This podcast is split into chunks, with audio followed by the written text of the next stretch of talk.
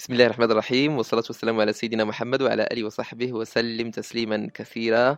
معك أخي الكريم عبد المجيد أمزال. مرحبا بك في برنامج نداء الروح. نواصل معكم عشر محبي القرآن الكريم. هذه المواد والفقرات ودائما عبر أثير إذاعة محمد السادس للقرآن الكريم. ولمن التحق بنا توا نقول أهلا وسهلا ومرحبا بك حول مائدة القرآن الكريم عبر أثير إذاعة محمد السادس للقرآن الكريم. أحبتي الكرام اليوم كنتكلموا على آه، بعض المعجزات اللي وقعت للنبي صلى الله عليه وعلى آله وسلم في تغير خواص الأشياء. شي أمور يعني كتغير الخاصية ديالها عندما تحتك برسول الله صلى الله عليه وعلى آله وسلم.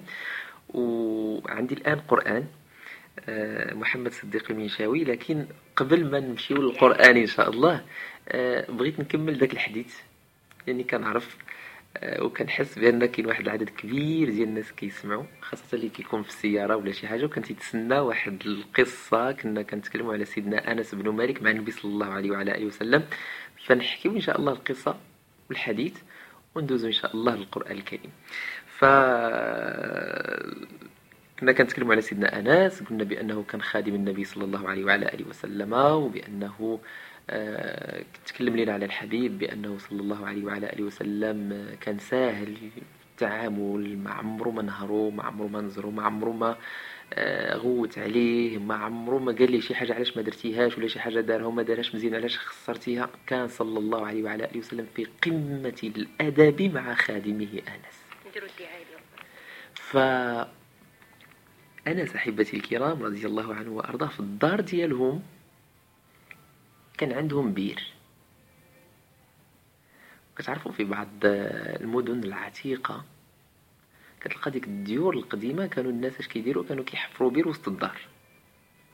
قبل ما يكون يعني هادشي ديال الشبكات آه، ديال الماء الصالح للشرب وكذا فكانوا الناس في الديور ديالهم في الغالب يعني كي كيحفر شي بير وسط الدار ديالو فسيدنا أنس كان عندهم بير في الدار ديالهم لكن الإشكال هو أن هذيك البير كان الماء ديالها مالح بزاف.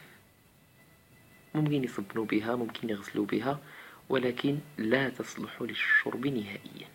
تصادف أنه شي مرة من المرات كان عندهم سيدنا محمد صلى الله عليه وعلى آله وسلم. ملي كان عندهم قال لهم عطيوني من الماء اللي عندكم ديال البير. فقالوا لي يا رسول الله راه ما كيصلحش للشرب راه مالح. قال لي مريوني البير. فتفل فيها صلى الله عليه وعلى آله وسلم. بزق فيها صلى الله عليه وعلى آله وسلم. الريق الشريف ديالو صلى الله عليه وعلى آله وسلم ملي طاح في هذاك البير صارت عزبة.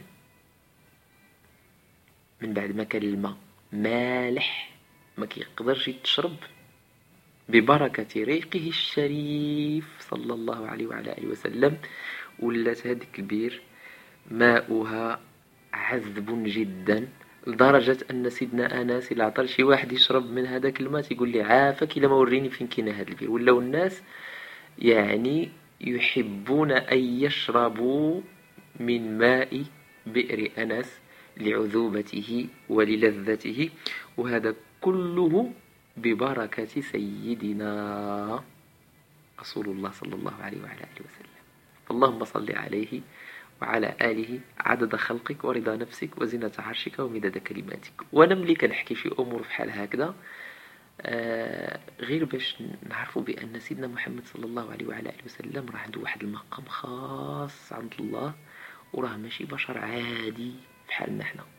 الله تعالى خصه بمجموعة من المعجزات بمجموعة من الأمور الخارقة للعادة لتأييده صلى الله عليه وعلى آله وسلم.